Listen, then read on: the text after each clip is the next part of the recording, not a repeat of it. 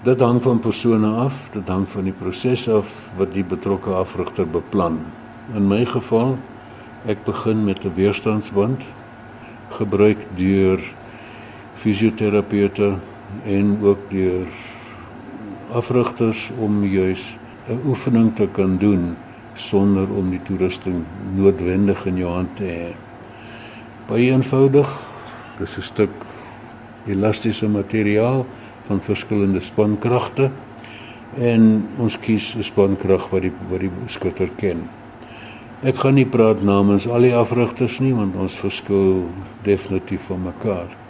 Nie almal gaan dit doen soos ek dit doen nie. Maar ek begin met 'n weerstandsband want daar kan hulle leer sonder om enigiemand skade te doen, sonder om enige spierbeskadiging te doen, kan hulle die tegniek bemeester om ten minste wanneer by 'n boog uitkom te weet wat hulle wat die aksie is wat hulle moet doen.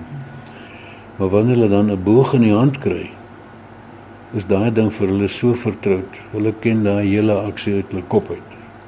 En hulle doen besonder goed baie vinnig. So na daai tegniek met die weerstandsband, wat anders moet 'n mens in gedagte hou? Leer jy ook hoe om te staan terwyl 'n mens daai oefening doen? Dit daardie bysake is nie bysake nie. Ons begin elke keer van die voete af boontoe. Maak nie saak wat jy doen nie, met 'n weerstandsband of met 'n boog in die hand. Van die voete af boontoe. Want daar is baie dele van die liggaam wat 'n faktor word en dit is waar 'n boek jou nie kan dophou nie.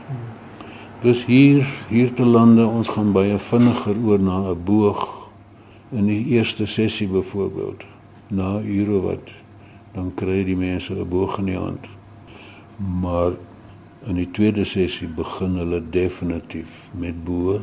Ons doen 'n opwarming, ons doen 'n herinnering aan wat het hulle laas keer laas keer gedoen? Hier's 'n weerstandsband weer eens dis veilig.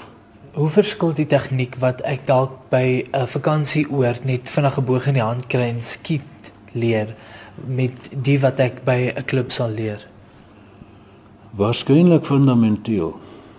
Kyk, ons het baie ver gevorder van toe ek begin skiet het.